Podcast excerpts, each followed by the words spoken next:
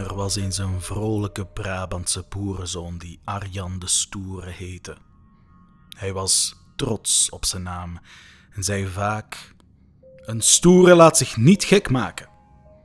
En dan liet hij zijn spierballen zien.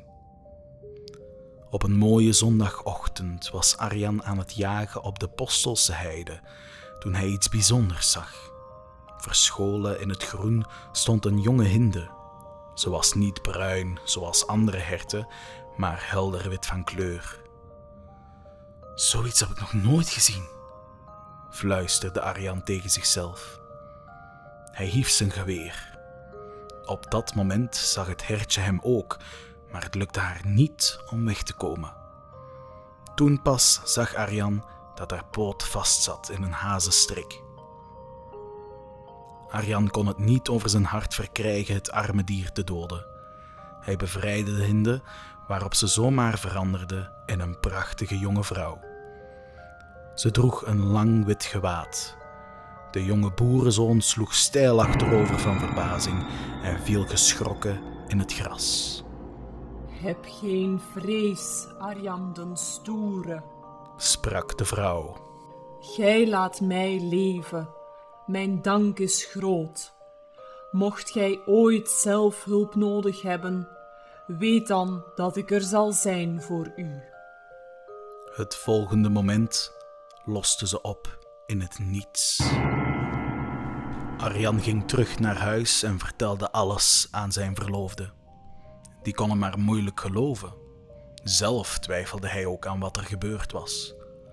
Had hij misschien een visioen gehad, een vreemde droom? Niet lang daarna trouwde Arjan met zijn verloofde en ze kregen een zoon die ze Robert noemde. Robert groeide op tot net zo'n vrolijke en sterke man als zijn vader. Ze leefden gelukkig, maar er waren ook zorgen. Een gevaarlijke boevenbende maakte al jaren grote delen van Limburg en Brabant onveilig. Sinds kort roofden en plunderden de schurken ook in de streek waar Arjan woonde. Enkele boerderijen gingen in vlammen op. Ze noemden zich de Bokkenrijders. Overal waar ze verderf hadden gezaaid, lieten ze de afdruk van een bokkenpoot achter. De mensen waren bang. Sommigen geloofden dat de bokkenrijders eigenlijk geesten waren. Ze zouden s'nachts op bokken gezeten door de lucht vliegen. Robert moest lachen om die onzin. Laat ze maar komen, dat boevenpak. Hij liet zijn spierballen zien. Een stoere laat zich niet gek maken. Ik geloof er niks van dat die lui echt kunnen vliegen. Vader Arjan schoot in de lach. Wat leek zijn zoon toch op hem? Maar toen keek hij Robert ernstig aan. Er is meer tussen hemel en aarde dan je denkt, jongen. De leider van de bokkenrijders was Hugo van den Loonse Duinen. Hij was een man van aanzien die wat achteraf woonde in een statig heerhuis vol pracht en praal. Overdag was hij een geslaagd zakenman, maar vrijwel niemand wist dat hij een dubbel leven leidde en s'nachts het avontuur zocht als gewetenloze bandiet. Op een zeker moment was ook het dorp van Arjan aan de beurt. Midden in de nacht beukten de bokkenrijders de deur van zijn boerderijen. Een stuk of vier schurken raasden door het woonhuis en gristen alle tafelzilver uit de lade. Hun baas Hugo hield ondertussen de bewoners onder schot. Waar heb je het geld verstopt, boer? Ik heb geen geld, antwoordde Arjan, waarop Hugo woest werd en nogmaals schreeuwde: Ik vraag je, waar heb je je geld? Hij maakte aanstalten om Arjan te slaan met de kolf van zijn geweer. In de klok! riep Arjans vrouw in paniek.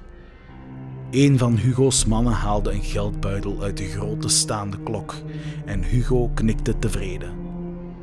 Even later stond het gezin de stoere op het erf om machteloos toe te zien hoe de schurken het huis in brand staken. Gelukkig hadden die niet door dat er maar weinig munten in de geldbuidel zaten. Arjan voelde stiekem in zijn pyjamazak. Hun plannetje had gewerkt, want daar zat het overgrote deel van hun spaargeld veilig verborgen. In de verte verdwenen de bokkenrijders op hun paarden uit het zicht. Er kwamen veel buren helpen blussen, maar het huis was niet meer te redden. Bij het eerste daglicht vond Robert een achtergelaten prent van een bokkenpoot. Hij gooide die kwaad in de smeulende resten. Pa! riep hij. Dit moet ophouden! Zeker, zei Arjan. Ga jij nu eerst met je moeder naar de buren. Daar kunnen we voorlopig intrekken. Ik ga eens kijken in het dorp. Op het dorpsplein was de laffe overval het gesprek van de dag. Marie, de bakkersvrouw, had het hoogste woord. De bokkenrijders. Addergebroed, dat is het. Boerdochter Trace hief haar handen ten hemel. Ach, heren, wie zal ons ooit kunnen verlossen van zulke kwelgeesten? Geesten, mompelde Arjan. Hij moest opeens denken aan de enige geest die hij ooit had gezien, al zeker twintig jaar geleden. Ze zeggen dat hun ogen licht geven in het donker. zei Trace, Geswets, dat zeg ik u. riep de bakkersvrouw.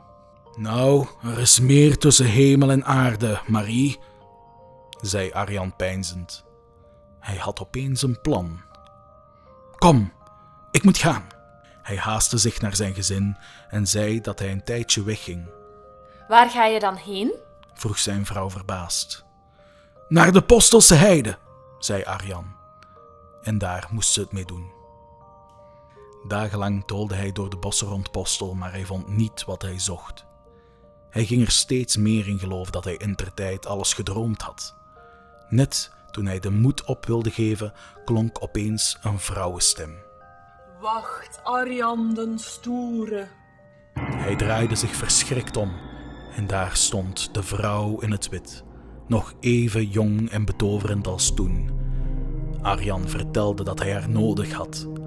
Zijn wens was dat de streek zou worden bevrijd van de bokkenrijders. De vrouw knikte en zei: Arjan den Stoere, nog altijd beschikt gij over een gouden hart. Nu uw buren gevaar lopen, vraagt gij hulp. Ik zal uw wens vervullen. En ook nu was de vrouw op slag verdwenen. Opgelucht ging Arjan weer op weg. Het werd al avond toen hij langs de abdij van Postel kwam. Hij hoorde het geluid van paardenhoeven en verschool zich snel achter een struik. Het waren de bokrijders. Arjan zag hoe de schurken de verlaten kapel binnendrongen. Voorzichtig gluurde hij door een glas- en loodraam naar binnen. De bendeleden kraakten het offerblok en Hugo griste gouden kelken en zilveren kandelaars van het altaar. En toen, plotseling, verscheen de jonge vrouw in het witte kleed. Ze legde een hand op Hugo's schouder en haar ogen schenen vol vuur. De andere rovers keken overdonderd toe, terwijl de vrouw sprak. Hugo van den Loonse Duinen, gij ontheiligt hier dit huis. Kom tot inkeer en roep niet de toren des Heren over u af. Hugo probeerde duidelijk zijn angst te verbergen. Hij lachte onzeker en duwde de vrouw ruw opzij. Mannen, tijd om te gaan.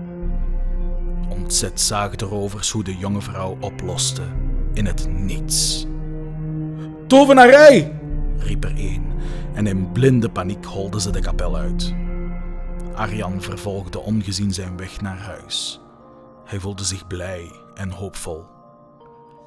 Intussen galoppeerde Hugo door de donkere nacht en in de vroege ochtend bereikte hij zijn huis. Zijn kameraden hadden hem allemaal in de steek gelaten. Tot zijn grote schrik zag hij dat de dame uit de kapel boven op de gevel stond. Haar armen wiegden op de wind. Aarzelend stapte Hugo van zijn paard. Hij hoorde haar stem, alsof die zweefde in zijn eigen hoofd. Nergens in uw eigen huis, nog waar ook ter wereld, zult gij rust of vrede vinden, gij Hugo van den Loonse Duinen. Eerst dan, wanneer een edel mens met het reine geweten van een pasgeboren kind uw woonstede zal betreden, Dan zult gij vrede vinden in uw huis en in uw hart. En weer lachte hij het weg. Wat kon hij anders? Hugo negeerde de vrouw en ging naar binnen. Een moment voelde hij zich veilig, moe en voldaan in zijn eigen huis. En toen gebeurde het. Achter hem sloeg de deur hard dicht. De olielampen begonnen uit zichzelf te flakkeren. Wat? Wat is er aan de hand? riep Hugo. Wie? Alles begon te draaien. De muren, de schilderijen, spiegels. Hugo vluchtte naar de huiskamer, maar ook die stond compleet op zijn kop. Boven was onder en onder was boven. Er was geen ontkomen aan. De lansen aan de muur klapperden, de gordijnen wapperden. Hugo buitelde over de kroonluchter aan het plafond en in zijn hoofd klonk oorverdovende, dreigende muziek.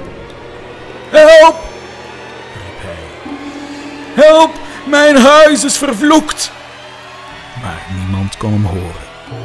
En als dat wel zo was, zou nog niemand hem komen helpen. Het duurde een tijdje voor de mensen het merkten. De bokkenrijders lieten zich niet meer zien en de rust was teruggekeerd. Niemand wist aan wie ze dat te danken hadden. Arjan had wel wat anders aan zijn hoofd dan zich daar druk over te maken. Een stoere laat zich tenslotte niet gek maken, lachte hij. De vrouw in het wit bleef voor altijd op het dak van Hugo's vervloekte huis staan. Vanaf toen werd het Villa Volta genoemd, vanwege de rondtollende kamers. Maar weinig mensen durfden er in de buurt te komen, want er werd verteld dat het er verschrikkelijk tekeer kon gaan. Zo werd Hugo van de Loonse Duinen gestraft voor zijn misdaden.